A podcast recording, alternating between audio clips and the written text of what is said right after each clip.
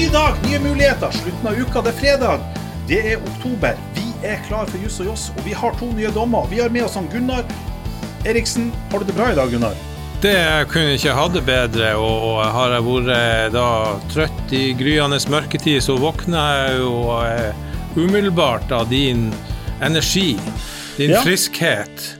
Mens Snefnugene danser ute, så er vi på nippen og danser her i studio. Og i dag har vi en eh, rikholdig meny. Hva skal skje, Marius? Vi skal, vi har fått et spørsmål, vi skal behandle det. Vi kommer tilbake til det. Jeg har en dom, jeg skal snakke om, eh, om cannabis og bilkjøring. Og du skal snakke om Jeg skal snakke om eh, påleggstrekk i eh, pensjonsytelse og eh, hva er nødvendig for å eh, sitte igjen med penger nok til livsopphold? Hva kan, eh, kan dekkes? Og eh, det det handler om, det er om er en sekspakning øl eh, nødvendig til daglig livsopphold? Det gleder jeg meg til å finne ut av. Og så har vi gjesten vår, og han heter Eivind Elvestad. Og vi skal komme mer tilbake til det. Men la oss begynne med spørsmålet. Ja, kjør i vei, Marius. Fordi vi hadde en sak her i, i lokalavisa her oppe i nord, hvor det var en kis, en person som da hadde begått diverse kriminelle handlinger, og så var blitt dømt til forvaring. Og nå har han da krevd saken gjenopptatt. Og en del av begrunnelsen for gjenopptaket er at han har en adelig herkomst. Og fordi at han har en adelig herkomst, så kan han da ikke straffes. Så er spørsmålet, hvis vi nå forutsetter at det medfører en riktighet at han har en adelig herkomst av en tilstrekkelig nærhet, kan det da tenkes at dette kan være en straffrihetsgrunn? Hva du tenker om det her, Gunnar? Det er jo et eh, interessant eh, spørsmål. Eh, det som jo eh, trigger meg litt, er jo eh, det rettshistoriske aspektet her. Og adelen har jo ikke hatt noen eh, historisk sett eh, gode kår i, i Norge. Altså, vi ser i England har vi en oppegående adel. Vi har adel til dels i Sverige og Danmark. Norge har en spesiell historie, og hvis vi går tilbake til pappaen til Magnus Lagabøte, Håkon 4. Håkonsson Du han skal så langt tilbake. Jeg var klar til å bare hoppe etter 1814 her, liksom. Men du, vi, Ja, men eh, vi la oss kan dra den tilbake. ta og dra Ja, tilbake. jeg Jeg var litt uh, opptatt av det her da jeg skrev uh, avhandlinga mi, uh, for jeg kom over da i gamle middelalderdokumenter da at adel, som den gang da ikke var en arveadel, men som var en tjenesteadel for kongen. Kongen tok og innførte en tjenesteadel for å eh, ha herredømme over hvem han eh, ga adelige privilegier. Litt sånn som moderne direktører. Ja, det er liksom moderne direktører, arbeidsgivere. Her var Ja. liksom arbeidsgiverstyringsrett som var, Ja, var inne i, i bildet, og, og denne tjenesteadelen førte seg ofte ganske så dårlig. De eh, plagde folk, de tok og gjorde sjøltekt og eh, Omtrent som dagens direktør. Ja, man kan eh, si det. De gjorde underslag og eh, var eksempel på at eh, makt eh, korrumperte. Og spoler vi frem til 1814, så eh, var jo det 7. mai var jo da dagen da adelen egentlig ble bestemt avskaffa i Norge. Altså 1814-grunnloven var jo et barn av de samtidige eh, store hendelsene i eh, Frankrike, franske forfatningen, eh, amerikanske uavhengighets- og menneskerettighetserklæringa, som fastslo at alle mennesker er født like. Og da er det ikke særlig da grobunn for, eh, for adel. I Norge så eh, hadde vi vært i personalunion med Danmark i 300 år, og eh, den adelen som satt i Norge var ofte av dansk eller tysk herkomst og hadde kjøpt seg inn eh, av danskekongen, og de folkene eh, var jo kanskje ikke så populære i det nye selvstendige Norge. Så adelen har aldri hatt ei sterk stilling. Nei. Men det var historikken. Og så over til det interessante. Er det et adelig privilegium å, å, å, å rett og slett eh, kunne ja, altså ta seg til rette seksuelt over et eh, annet menneske.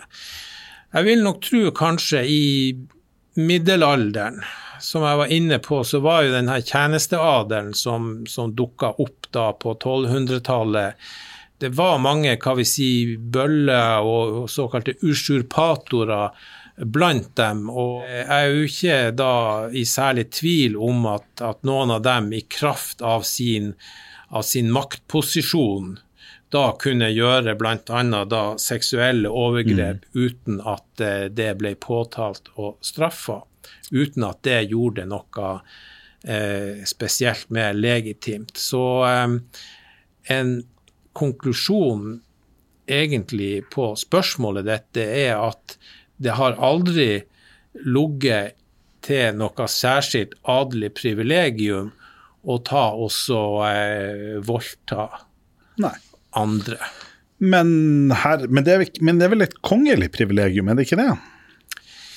Ja, du kan si du tar og, og, og, og knepper ett steg opp når du da ja. kommer til, til, til, kongelige, for at eh, i middelalder og også fram til enevoldstida eh, De danske enevoldskongene så seg også som Guds representant mm. på, på, på, jorda, slik at, at, hvis du stiller deg i en sånn stilling, så, så, har du egentlig eh, så kan du egentlig behandle dine medmennesker mm. som, som, som, ting, objekter, som du kan gjøre eh, hva som hva som helst med. Og jeg, jeg tror nok at, um, at de som var innlemma i, i, kongens hoff, og hvis kongen da uh, fant ut at han eh, ønska noe um, altså seksuell uh, At de stilte opp seksuelt for han, så, så, så var det nok lite rom for å,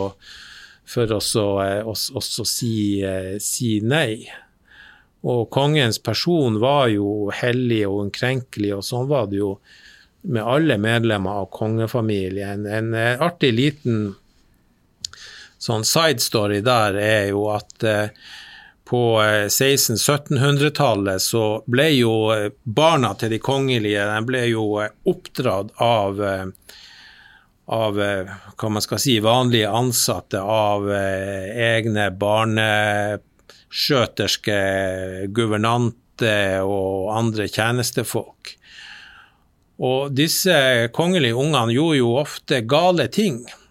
Men eh, disse her eh, som var ansatt til å passe på dem, de kunne jo ikke ta oss og fysisk straffe eh, disse kongelige barna. Men i prinsippet så skulle jo alle unger da som gjorde noe galt på 1600- og 1700-tallet, de skulle ha seg en solid dose med fysisk korporlig, korpor, korporlig straff. Slik at, eh, at, det ble ordna på følgende måte. At eh, til disse kongelige barna så ble det skaffa da eh, eh, jevngamle unger av samme kjønn, men av eh, vanlig byrd, for å si det sånt. Mm. Så når de kongelige ungene hadde gjort noe galt, så fikk disse her eh, man kan kalle det replikaen som var tatt inn, status som kongelige syndebukker. Så ah, disse ah, barnepasserne, guvernantene, eh, skulle da ta og fysisk straffe eh, den her mm. Eh, lik i alder og kjønn, lekekameraten til den eh, kongebarnet. Så eh, du kan tenke deg hva det gjorde med det kongebarnet. Det kunne gjøre flere ting. Ja, ja. Det kunne skape et veldig godt eller et veldig ondt menneske. Ja. Ja, det, det, for det er klart, du kan jo tenke deg at ja. den da vil utvikle en empati for dette barnet. Så ja, og se at eh, og må jeg skjerpe meg. Nemlig ikke tar kompisen min ja. og får banken jeg skulle ha hatt. Det... Eller det, det, kunne være at det var spor av, av, av mer mørke trender i det her barnet som ja. sørga for at denne her kongelige syndebukken nærmest ble ja. banka helseløs. Men det er klart, hvis vi, hvis vi går på en måte opp til, til akkurat i dag, så, så Ja. er det jo sånn at Grunnloven i dag sier jo det at kongen personlig kan ikke lastes eller skuldes for noe i nynorskversjonen. Og ansvaret ligger på rådet hans. Så i Mm. Ja. dagens grunnlov er det vel sånn at han, kong Harald han kan vel i prinsippet ta for seg, men ikke han Håkon Magnus. Ja, det, det, det, det, det er nok noe i det, men altså, vi må jo erkjenne at vi lever i ei tid hvor eh, ting endrer seg, og det norske kongehuset og norske kongen har jo da kanskje beholdt sin standing, og Rødt sine forslag om å innføre republikken har falt fordi at kongefamilien er folkelig, Ja. og kongen er en folkekonge. Nemlig. og det var vel en episode for en masse herrens år siden hvor han eh, da kong Harald eh, kjørte bil sjøl og trakka litt for hardt på, på gassen. Fort gjort. Og det var nok eh, overraskelsen stor hos UP når eh, det, den som skulle signere boten, signerte det med Rex. Ja. Ja, nei, det spørsmålet kom jo oppe da om han kunne holdes ansvarlig og sånt, og kongehuset takla vel det på den forstandige måten at de, eh, de, de, de tok eh, boten og begrunna det i at, eh, at her var det gjort noe galt, et brudd på en av samfunnets normer, og at det ikke var musikalsk å ta og påberope seg altså en Immunitet, bestemmelse ja. som, som en immunitetsbestemmelse som stammer fra eneveldet sine dager. Men det er klart at, at hvis vi, hvis vi nå hadde, hadde tatt denne hendelsen og skrudd den opp noen hakk, og sett for oss at vi hadde stått overfor en voldtektssak, så, så er i hvert fall min analyse at hvis jeg hadde sittet som dommer i den saken, så tenker jeg det at det hadde vært vanskelig å dømme kongen til det, altså i et sånt tilfelle. Men så er det også vanskelig å se for seg at den saken vil komme opp for domstolen. Ja. For jeg tenker at, at i et sånt her tilfelle så tror jeg at man vil få en abdik abdisering. Ja. Jeg tror at det er den eneste måten det her vil kunne løses på, at kongen abdiserer. Eh, ja, og så vil han nok neppe da kunne straffes for det etterpå, eller det er, det, det er jeg faktisk litt usikker på om han At han eh, både A abdiserer og B går i fengsel. det, det tviler jeg på, Ja. men jeg tror nok at han på en måte at han abdiseres, og så vil man si at det vil være tilstrekkelig. Og så er det spørsmål om den neste kongen vil klare å bygge Ja. opp, opp ryktet og få gjøre at man fortsatt har et monarki. Jeg tror nok det blir veldig teoretisk. Eh, Det her vil være spørsmål hva vi sier, som jo riktignok har sin, sin juss, men som nok vil bli avgjort politisk eh, på, på en helt annen måte enn de følgene rettsreglene gjør. Men jeg har et siste lite poeng. Ja. Og hva vi sier eh, Vi snakka jo om altså, en kar som mente det var et adelig privilegium å, å voldta. Og eh, jeg fant jo da i rettshistorien da et slags sånn eh, På en måte eh, déjà vu på hvor forkastelig akkurat det synet er. Og det handler litt om eh, dødsstraff. Altså fram til 1700-tallet så var det slik at eh, hvis man ble idømt eh, dødsstraff da, så eh, var normalt at man enten ble halshøgd med øks eller med sverd. Og eh, for vanlige folk så var det øks som ble brukt, mens for eh, adelige så var det mer forfina og høytidelig å bli henretta med sverd. ja. Det var eh, mer etter den adelige stand. Ut fra et mer sånn menneskelig synspunkt så var eh, det å bli halshøgd med sverd mye mer risky business. Ja, det vil jeg tro. Eh, Øksa gjorde mer kort prosess, mens eh, sverd, særlig blant uøvde, kunne bli ganske grisete Ja. og krevde litt mer jobb. ja. Så eh, man gikk da bort fra sverd etter hvert. Men det som er et siste poeng, at i 1791 så blir den eh, siste siste personen eh, henretta, eh, henretta med, med sverd. Og eh, han som ble henretta med, med sverd, var en Trond Svendsen Finnseteeie. Og han ble i 1791 den siste som ble henretta med sverd. Og han ble henretta da for to voldtekter. Ah. Og eh, han var også den siste som ble dømt til døden for voldtekt. Ja, Så her kommer eh, ting sammen. nemlig. Det var dødsstraff for voldtekt. Den siste som ble henretta for det, ble henretta i 1791. Og ble henretta med sverd. Og ble henretta med sverd, som var et privilegium for adelen. Nemlig. Og da er dette med adelsprivilegier Ringen er slutta. Så Solelden, som har anført denne saken, denne påstanden, vi tror altså ikke at påstanden kan føre fram. Men det tror jeg ikke du heller trodde.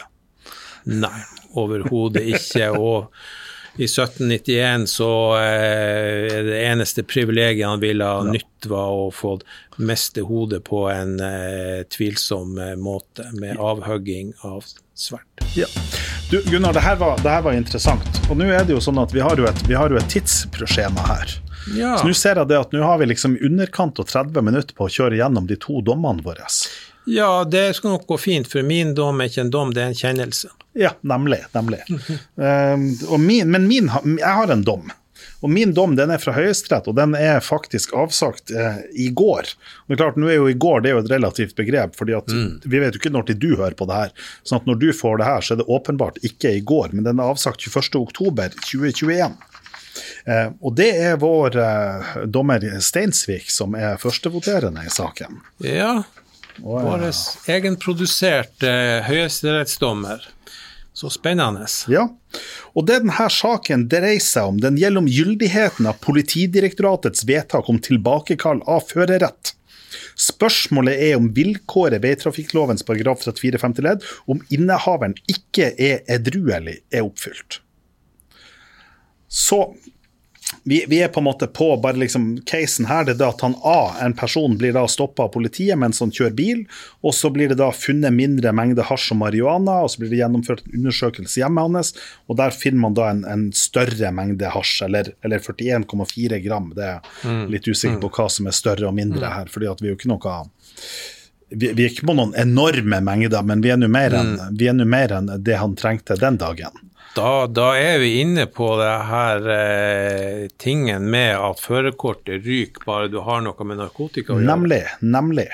For det her har jo politiet hatt en praksis i mange år at, at man på en måte sier fordi at, fordi at veitrafikkloven stiller et krav om edruelighet, så har man på en måte når noen blir tatt i narkotikasaker, så har man da fratatt dem førerkortet fordi at de ikke er edruelige. Og det har man på en måte gjort som en sånn rutinemessig praksis. Det er jo eh, merkelige greier og sånt. Eh, Det hender jo at jeg på fredager når jeg handler dagligvarer, kanskje innom polet eller noe sånt, og skulle jeg bli stoppa på vei hjem og de finner to flasker vin i eh, bagasjerommet, og Ja. jeg ryker lappen. Da ryker nemlig. Og det er klart, og så er det jo et spørsmål hva er på en måte årsaken til det her. Og, og her er jo liksom et sånn strukturelt Men, men vi, kan, vi, kan, vi kan bare kjenne at vi, la, oss, la oss bare ta saken her først, og Høyesteretts analyse og løsning av saken, før vi går, går inn på det. For det som da skjer, det er jo det at sant, han blir da straffa for den her narkotikaen for narkotikabruken, eh, og det på en måte går som en tilståelsessak, og alt sammen er greit. Og så blir det da fatta et, et vedtak eh, altså av, av Vest politidistrikt de fatter et vedtak om tilbakekall av førerretten. Og det her vedtaket det blir opprettholdt av Politidirektoratet, og så blir det da tatt ut et sivilt søksmål for domstolene, som må da gå gjennom alle tre Altså fra lagmannsretten helt opp til, helt til Høyesterett, hvor det begynner i Oslo tingrett å bevege seg oppover. Og så argumenteres det for det her. Um, og Da går jeg på en måte rett inn på, på de rettslige utgangspunktene.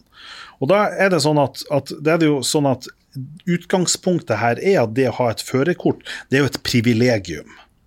Sånn det er ikke, noe, det er ikke, en, det er ikke noe, en menneskerettighet og et førerkort, er det blitt sagt. Men akkurat det er det jo faktisk eh, omtvista. Mm. Fordi at er det, er det, kan det sies å være en menneskerettighet? Og vi vet at Menneskerettsdomstolen har tatt inn saker om førerkort. Og dermed så må man faktisk si at påstanden om at det ikke er en menneskerett og et førerkort, den er faktisk feil. Mm. Um, det kan anses som en menneskerettighet å ha et førerkort. Uh, svaret på det er ikke opplagt. Mm. Men, men, som, men, i hvert fall veitrafikkloven den stiller et alminnelig vilkår for å få førerkort at vedkommende er edruelig og fyller gjeldende helsemessige uh, krav til fysisk og psykisk helse. Og så er det sånn at Vilkåret om edruelighet det må være oppfylt så lenge vedkommende har førerrett. Det skal forstås mm. på samme måte som ved tilbakekall som ved utstedelse av førerkort. Sånn at den, mm. Hva er edruelig? Det er på en måte det er noe som må være oppfylt for å få førerkortet, og det må være noe som er oppfylt for å beholde mm. det. Jeg syns det er veldig vanskelig vilkår eh, når du eh, ikke tar og praktiserer det likt for alle rusmidler. Ja, og her er jo problemet. Um, men så, men så, er det det som også er viktig å få presisert her, og som også gjør det her ekstra vanskelig, det er det at, det er tilbakekalle førerrett pga. manglende edruelighet er ikke en sanksjon, men et forebyggende tiltak for å sikre at innehaver av førerrett oppfyller de lovfesta kravene. Mm. Og det her er jo, og det her på en måte det reelle problemet ligger. Fordi at, fordi at politiet sin praksis her, det har jo ikke, det har jo ikke vært en en, et forebyggende tiltak. Det har jo vært i realiteten en sanksjon. Mm. Og når man på en måte har på en måte informert om det her på skole i, og i det forebyggende arbeidet, så er det klart at det politiet da har gjort, da har de på en måte varsla, de har på en måte trua med det her at hvis du bruker narkotika, så vil du miste førerkortet ditt. Og dersom du da har en jobb hvor du er avhengig av førerkortet, så vil det den narkotikabruken gjøre at du da vil miste jobben din. Og da mm. Mm. er det spørsmål hva er en sanksjon og hva er et forebyggende tiltak. Det er klart Når man går ut på forhånd og varsler om det her, mm. så er det jo forebyggende. Men, men det er jo ikke forebyggende for rusbruken. Det, politiet sin fokus på det her det er jo for å forebygge en, en rusbruk. Mens, ja. mens det veitrafikkloven sitt tema det er å forebygge i forhold til trafikksikkerhet. Mm. Og det her er jo et utenforliggende hensyn, det er jo en sammenblanding av det. Og Her er det jo et kjempeproblem at politiet, som er dem som skal ta ut en påstand og påtale om straff, at det er de samme som da skal ta stilling til til, en, en, altså til dette spørsmålet om veitrafikkloven. Og det er veldig lett å blande sammen mm. en sanksjon og en forebyggende tiltak. Det, det er jo helt klart. og eh, hva med, hva med altså det opplevelses... Eh, nå skal vi ikke bli rettssosiologer her, men det, det opplevelsesperspektivet til den det går utover. Altså, altså, at han føler det som en straff, og at det får eh, konsekvenser som er inngripende i hans liv. Nemlig. Og sånt, eh, da, da, da kan man jo ikke, ikke la myndighetene ta oss og, og holde eh, rettsvesenet med fint snakk. Ja, det er men det som bare gå, gå For, det, her, det, det, er så mange sider ved denne, ved denne saken. Men la oss bare, for vi, vi får jo senere besøk av Eivind Elvestad, eh, og da skal han jo snakke om, om forvaltning og domstolsprøving av det. og Da er det viktig å bare merke seg allerede nå at, at i denne saken så sier Høyesterett vilkåret er lovbestemt og prøves fullt ut av domstolene ved gyldighetsprøving av et vedtak om tilbakekall. Mm. Sånn at vi ikke på et spørsmål om, om av sitt frie skjønn, men det er noe som domstolene fullt ut kan prøve. Ja, altså et lov, lovbundet Ja, et lovbundet, lovbundet mm. skjønn. Um, så er det Høyesterett da gjør i denne saken, det dommer Steinsvik, Kine Steinsvik da gjør, er å gå gjennom de ulike rettskildene her, og kommer så med, med en oppsummering som sier at rettskildene viser at for å slutte at manglende edruelighet forutsetter bruk av rusmiddel i et visst omfang, og med en viss hyppighet. Sånn at Det er to deler. Det er omfang, altså hvor mye er det man bruker, og så er det en hyppighet, hvor, hvor ofte det her skjer.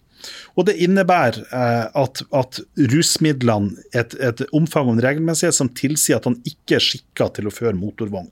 Så det, altså det, du da går inn, det er å stille på rett og slett et årsakssammenheng. Så det må på en måte være en grunn til at denne rusbruken gjør at personen ikke er skikka til, til, til å føre motorvogn.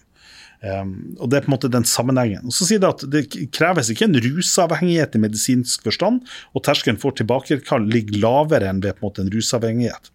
På den andre sida faller enkeltstående tilfeller og mer sporadisk bruk, i betydning av sjelden rusmiddelbruk utafor. I alle fall dersom ikke den aktuelle bruken eller rusatferden i seg sjøl gjør at vedkommende må anses uskikka. Eh, hensynet til trafikksikkerheten til sin streng praktisering. Samtidig skal tilbakekallsadgangen i lys av de konsekvensene et tilbakekall har for føreren, benyttes på en balansert måte og i tråd med formålet bak regelen. Og så går man inn og diskuterer med den nedre, nedre grensa. Eh, og her, i forhold til den nedre grensa, så får vi et problem.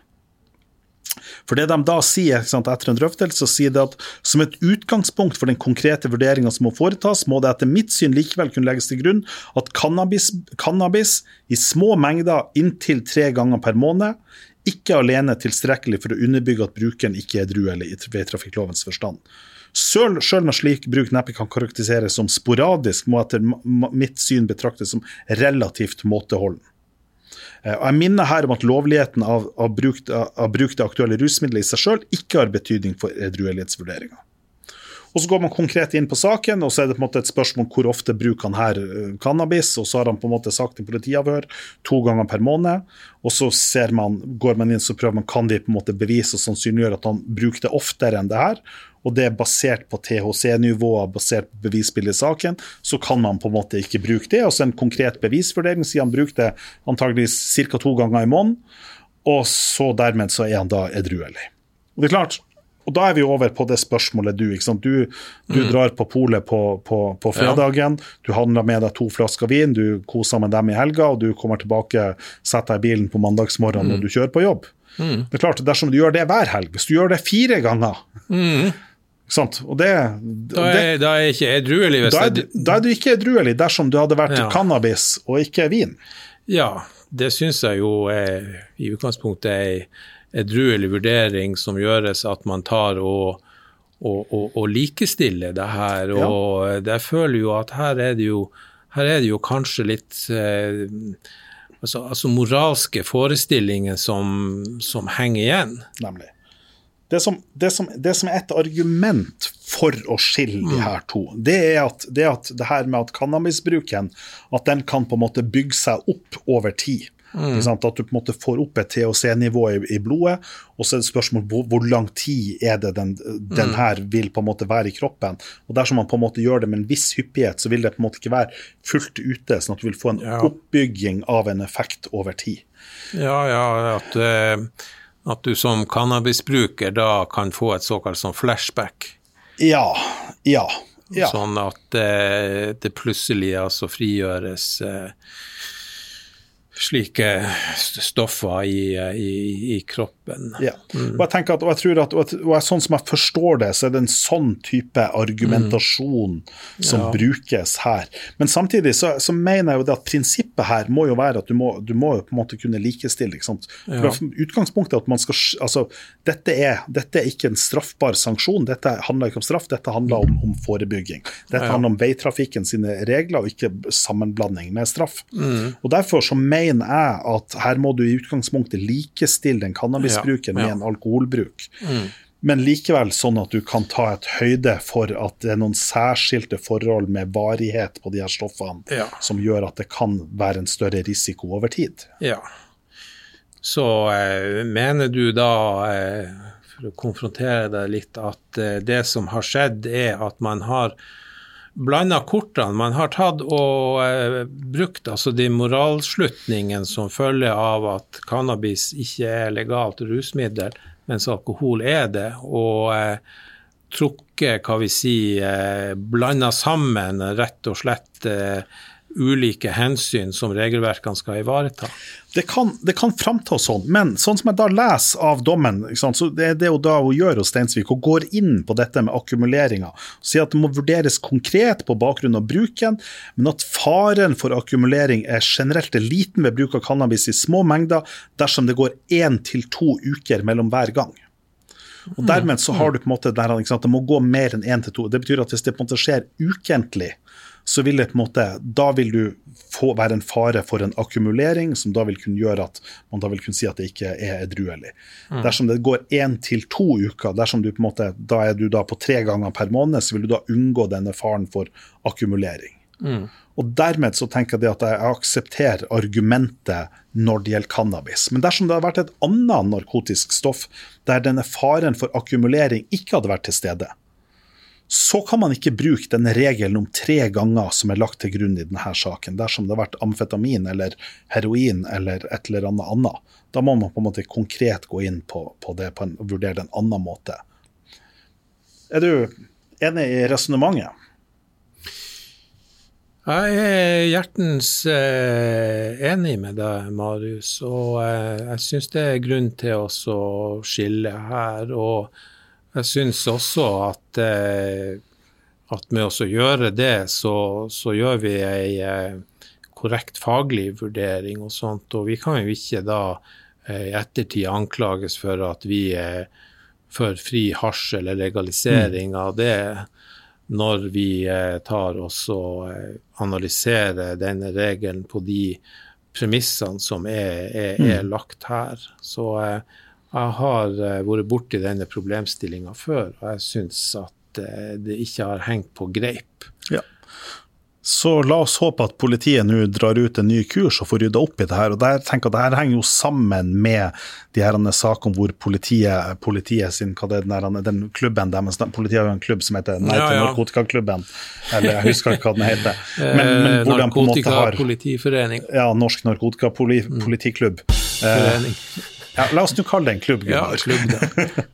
Men hvor du på en måte har hatt en sammenblanding, hvor du nå er et større opprykk. Jeg tenker at Dette er en del av en ukultur hos politiet, hvor de på en mm. måte blander sammen sine moralske vurderinger. Her er det bra at Høyesterett kommer inn og setter foten ned, og det var på tide. Mm. Gunnar, vi går over til din dom. Ja, min dom, eh, eller kjennelse, er jo da faktisk eh, på uhyggelig eh, måte, siden vi ikke vet om dem, også linka opp til et overordna tema, nemlig eh, egentlig forholdet mellom eh, narkotikabruk og alkoholbruk. Men her så er jo da settinga misbruk. Ja. Og det som er faktum i saken, det er at her er det en person som er uføretrygda som følge bl.a. av alkoholisme. Han, eh, får da, eh, han har da ikke gjort opp for seg noe krav, og han får det her eh, kjekke firmaet som mange kjenner til, Lindorf Kapital AS, på nakken. Mm. Og eh, de tar også begjæret utleggstrekk. Og eh, det tas jo til følge. Mannen skylder penger og eh, han får da et eh, utleggstrekk i pensjonen sin. Men så er det jo slik at dekningslovens para 2-7 lyder følgende Utlegg kan tas i skyldnerens krav på forfalt eller uforfalt lønn eller fradrag av forskuddstrekk i den utstrekning lønn overstiger det som med rimelighet trengs til underhold av skyldneren og skyldnerens husstand.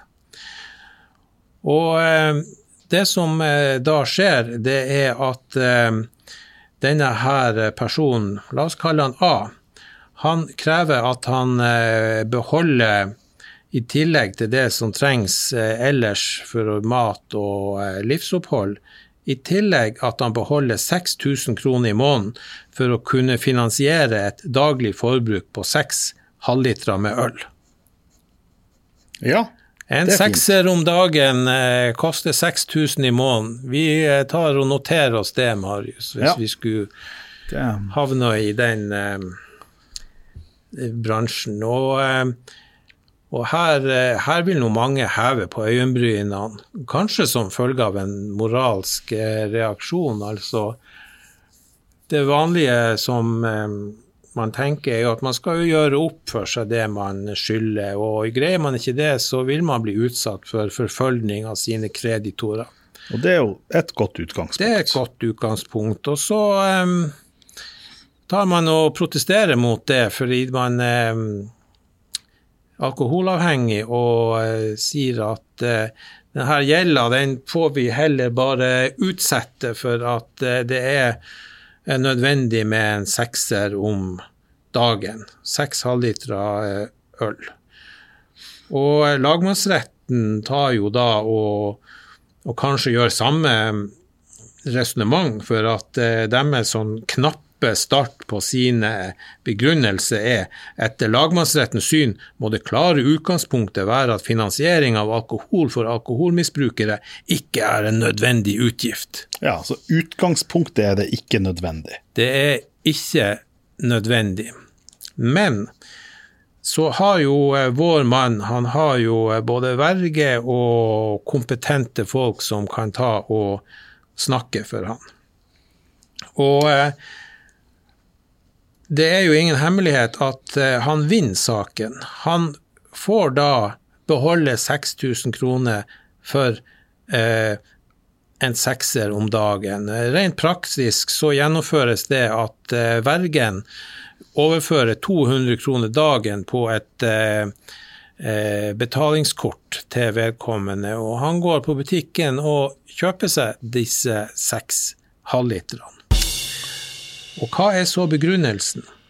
Jo, lagmannsretten tar og sier etter å ha slått hardt fast det utgangspunktet som jeg nevnte, at i denne saken er imidlertid midler til alkohol angivelig medisinsk begrunnet. Mm. Og eh, lagmannsretten tar jo i sin retorikk og oser av moralsk skepsis eh, mot det.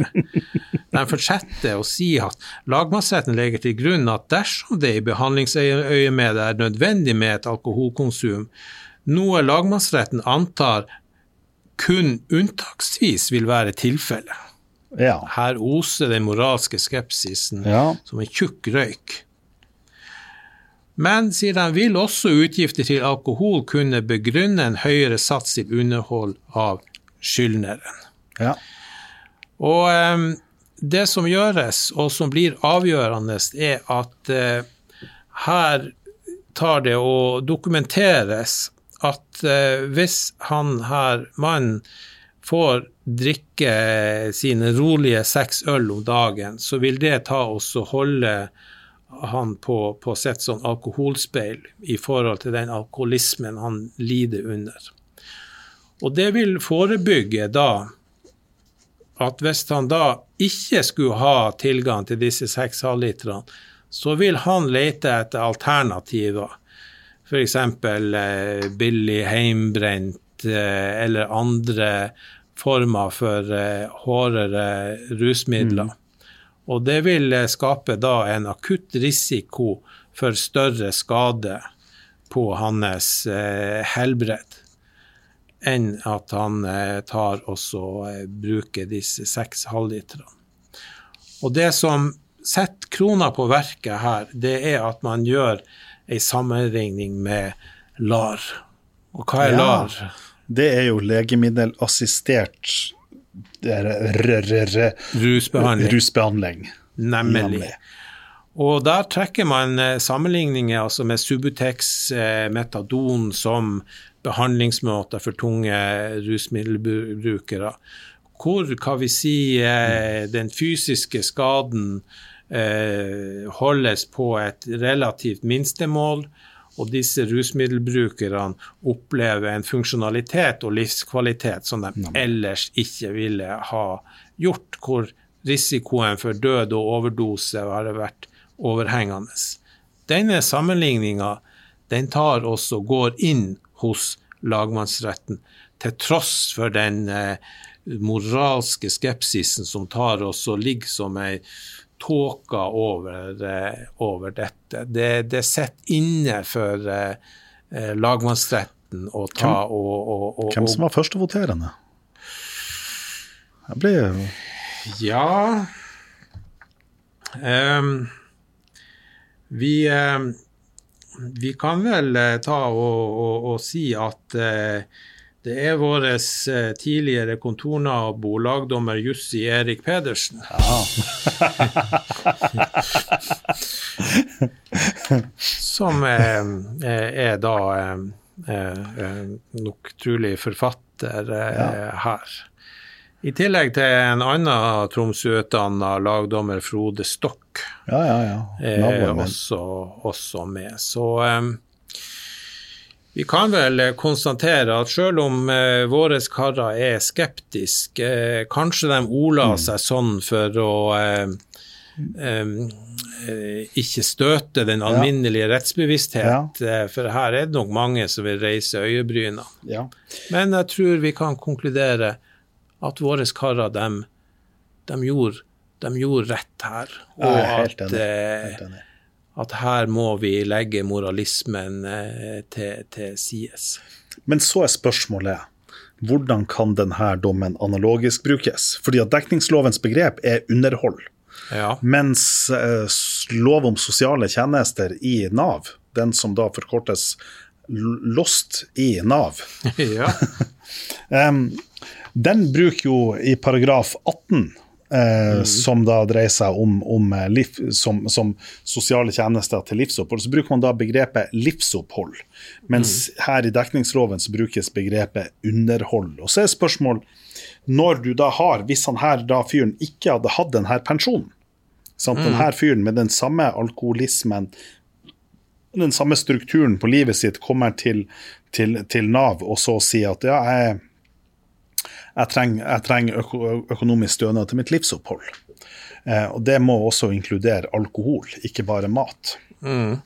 Med den samme argumentasjonen.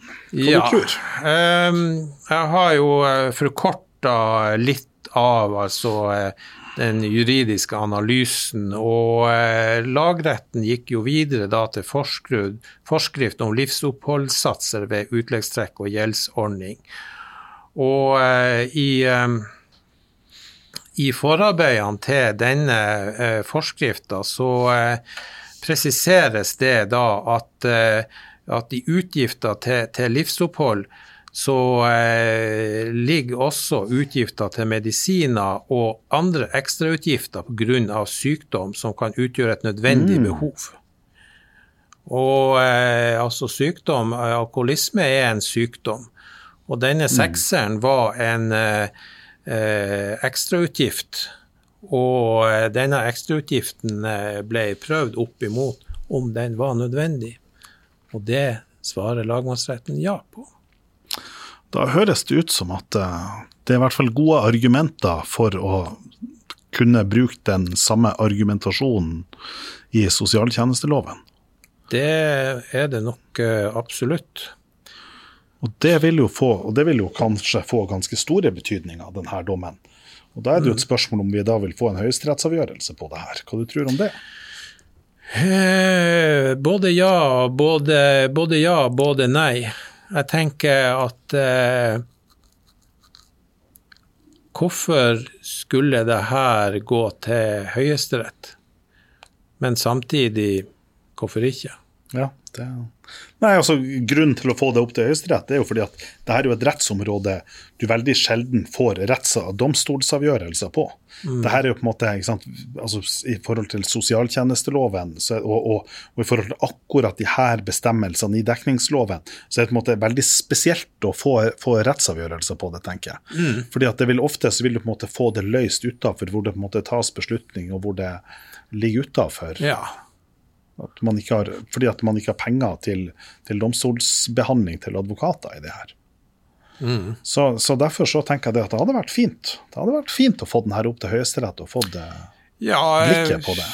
Det, det, jeg tenker altså, Vi må jo tenke prinsipielt da, og, og, da kan man jo tenke da at, at, man kan jo ha en rekke andre lidelser hvor eh, det her kan komme på eh, spissen.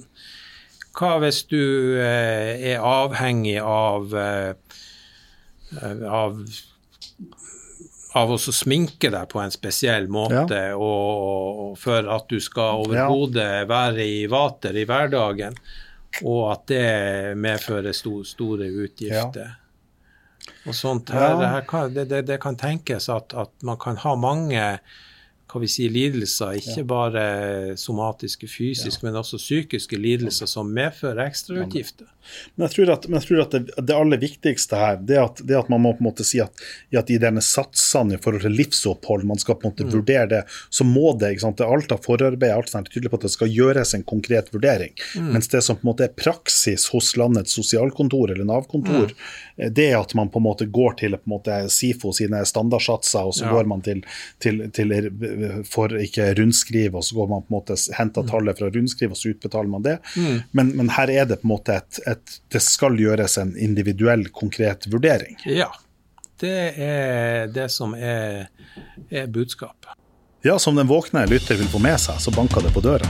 Og det var vår gode venn Eivind Elvestad. Velkommen i studio. Tusen takk, Marius. Det her har jeg gleda meg til. Ja. Mm. ja. Hva du holder på med? Jeg holder på med det jeg syns sjøl i hvert fall er et veldig spennende prosjekt. Og hva er det?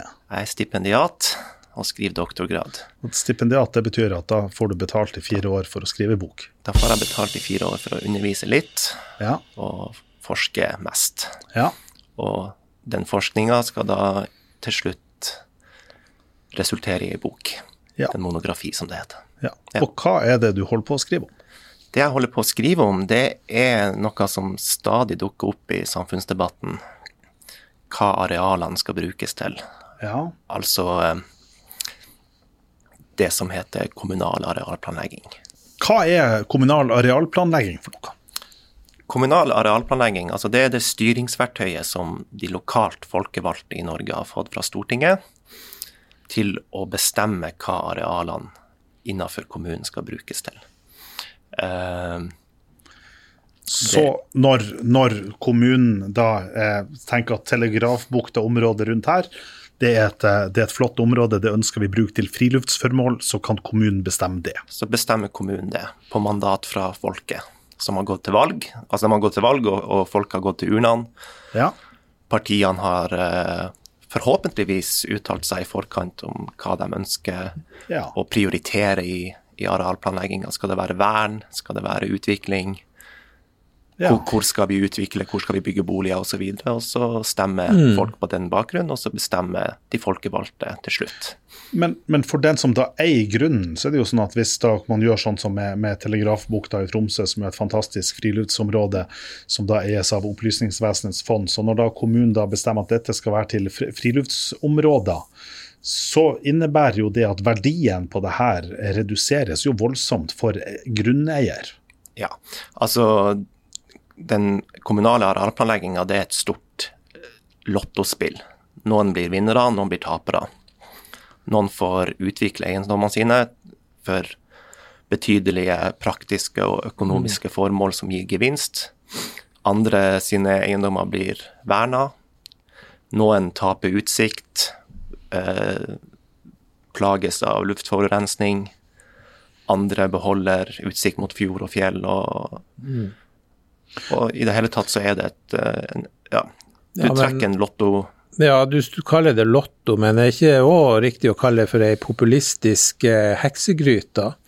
Fordi at du overlater det her til politikere, og politikere snur jo sin kappe etter vinden og kan bestemme seg og ombestemme seg fra den ene dagen til den andre. Og eh, jeg tenkte jo da eh, Det detter jo ned i hodet mitt, eh, det her Arctic Center her i Tromsø. Er det et eksempel som du kan relatere deg til? Ja, nå ble jo den hyttebyen foreløpig nedstemt, da.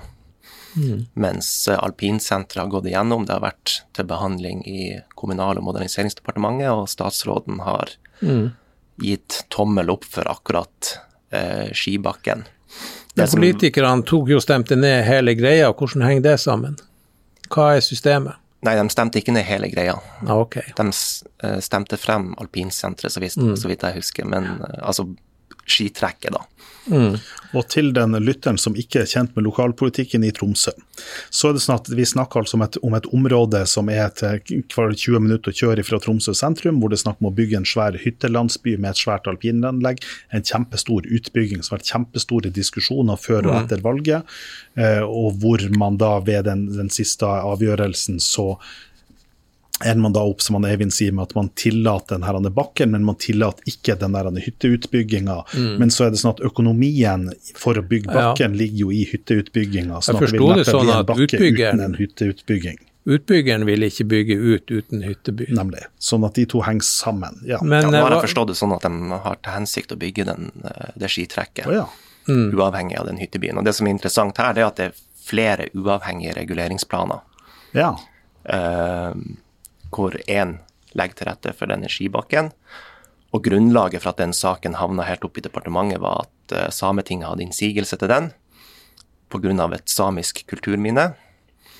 Uh, statsforvalteren anbefalte å ikke ta den innsigelsen til følge, og departementet fulgte den tilrådninga fra det som den gang het Fylkesmannen, som nå heter Statsforvalteren. Ja.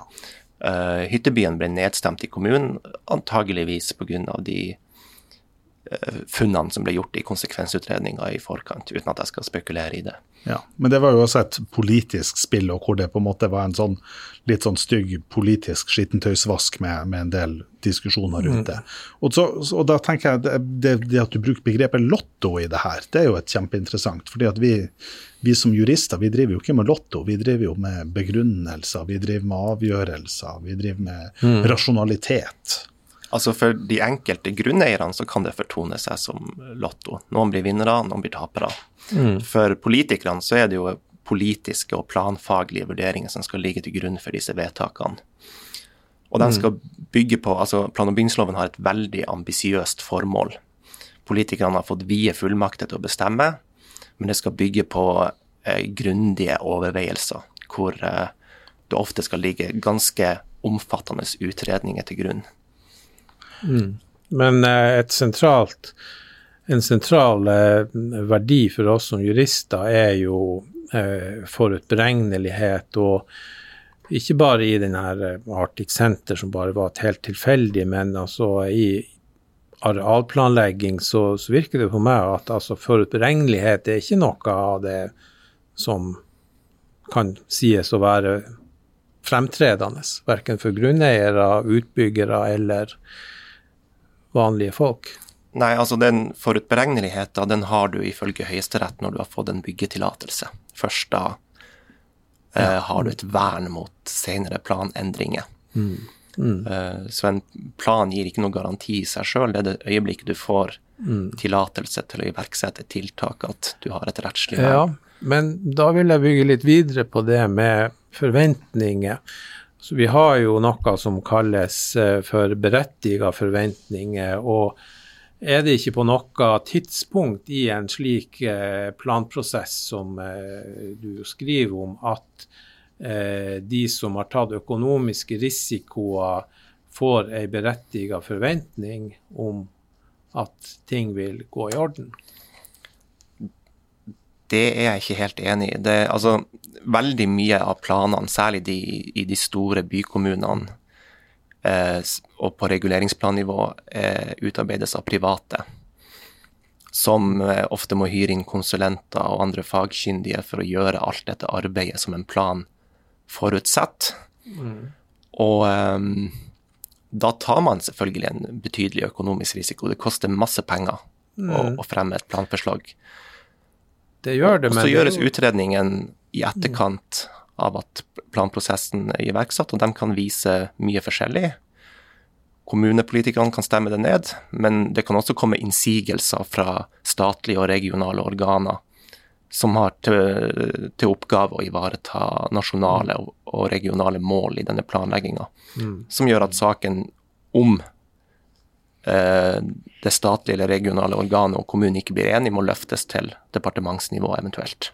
Mm. Mm. Men, men, jeg må si at dette er jo et system som ikke jeg kan noe særlig om. Men, men det jeg jo hører, altså det som er min tanke, det er jo det at, det jo det at hvis jeg på en måte vet A er tomt, ikke sant? det er tomt til salgs, og så tenker jeg det at ja, denne tomta, hvis jeg på en måte kjøper denne tomta og skal prøve å få, få gjort en eller annen utbygging på det her, så er det sånn at da må jeg først kjøpe denne tomta.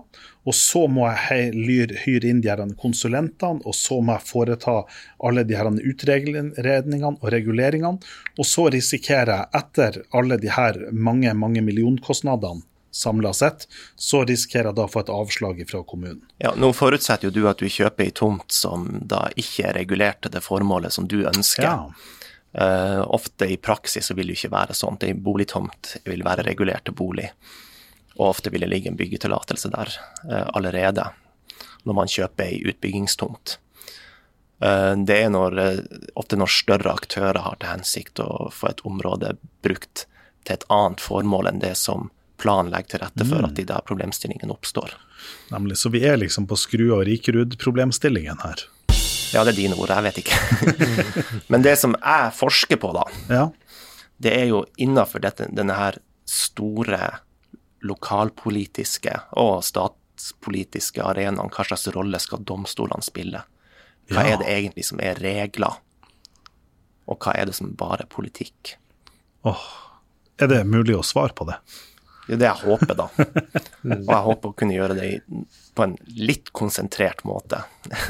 At det ikke skal flyte over i mange, mange hundre sider av et tobindsverk. Trebindsverk, firebindsverk, Ja, kanskje. Ja, du må nesten stille opp rekkefølgekrav til avhandlinga di. Jeg må iallfall ha en tydelig struktur og ei, ei god avgrensning for at det skal være ikke bli for ambisiøst, men gjennomførbart. Mm. Men, men har du noen eh, er det, er det noe du ser i der? Har, vil domstolene kunne rydde opp i det her? Har domstolene noen Har de de full, nødvendige fullmaktene, eller er det eller er det på en måte fortsatt et rent politisk spørsmål? Er, vil domstolene være et vern imot eventuell korrupsjon? Korrupsjon, da er man jo over i noe straffbart. Ja. Ja. Men det, er klart, men, men det er klart at korrupsjon eh? Da er du over på det straffbare, men samtidig så er det mye ting som, som ikke vil kunne synes. Du hadde jo en sak nå i, i Ringerike eller hvor det var en, en ordfører som var tiltalt, eh, og som nå ble frikjent, så jeg. Eh, Men hvor det på en måte er en del i det her, hva er på en måte politikers rolle. Klart du har de store aktørene, og de store aktørene de vil jo ønske å påvirke, på, påvirke her. Og så er det jo et spørsmål hvordan går denne påvirkninga, og det er vanskelig å bevise eh, når denne påvirkninga går fra det lovlige til det ulovlige. Er det bare det straffesporet som skal kunne begrense det her, eller er det også i andre spor? Det finnes mange spor som man kan forfølge i en sånn sammenheng, og eh, det viktige for meg det er jo å se på hvilke skranker, altså hvilke rammer prosessuelt og materielt gjelder for den håndsopprekkinga som skjer i kommunestyresalen når de skal vedta en plan. Og Et eksempel på ei sånn ramme finnes jo i FN-konvensjonen om sivile og politiske rettigheter, artikkel 27, urfolksvernet.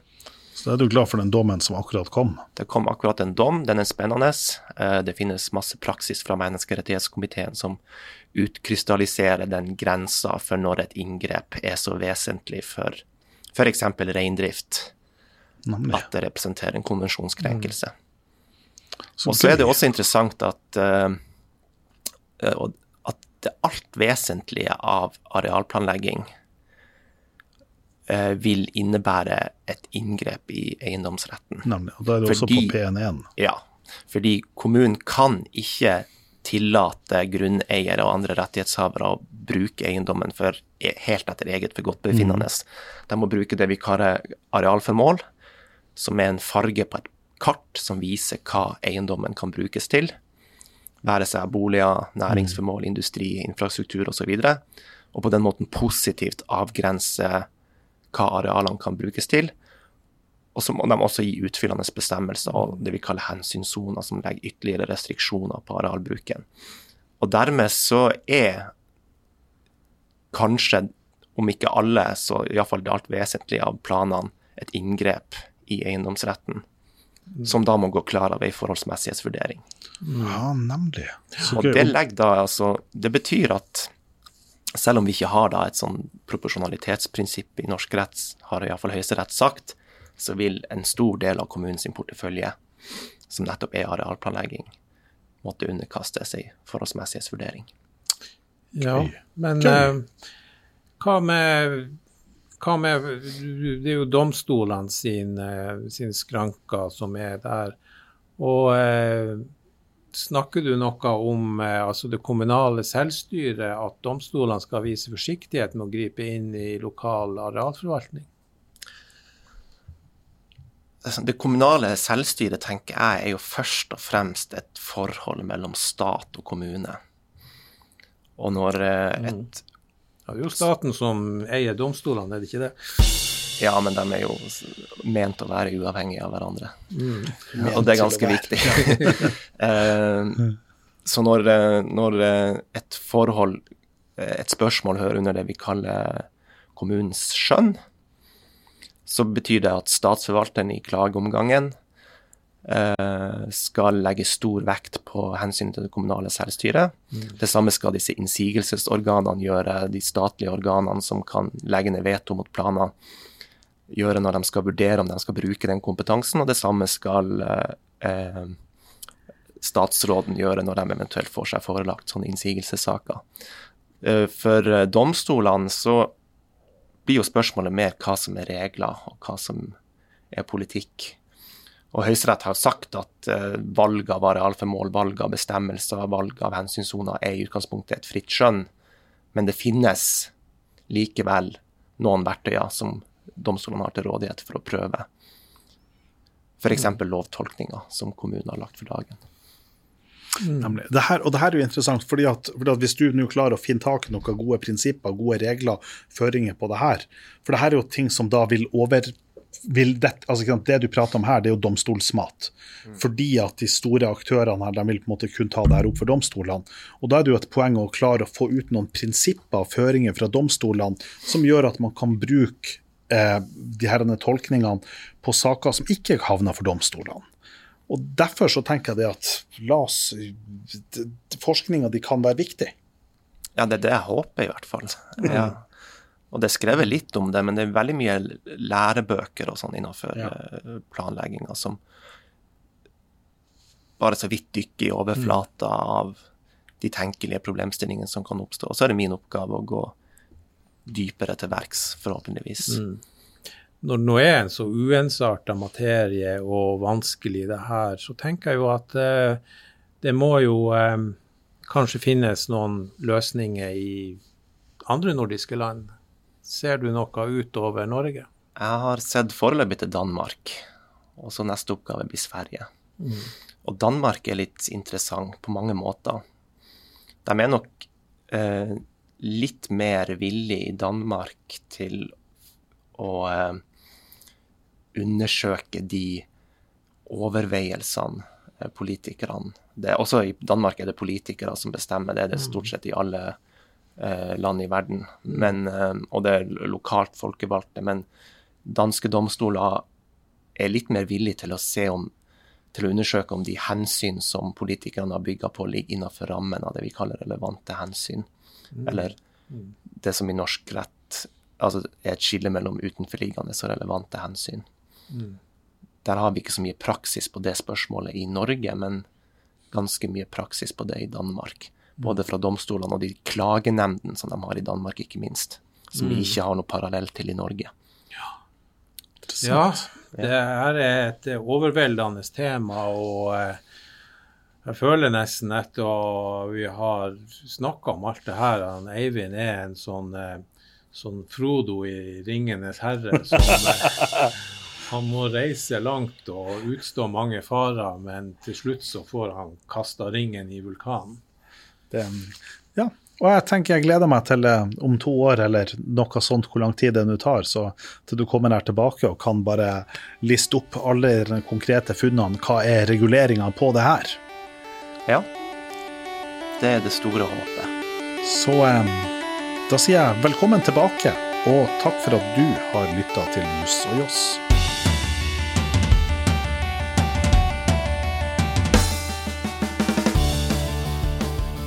Podkasten Juss og Joss produseres i samarbeid med Result på Universitetet i Tromsø.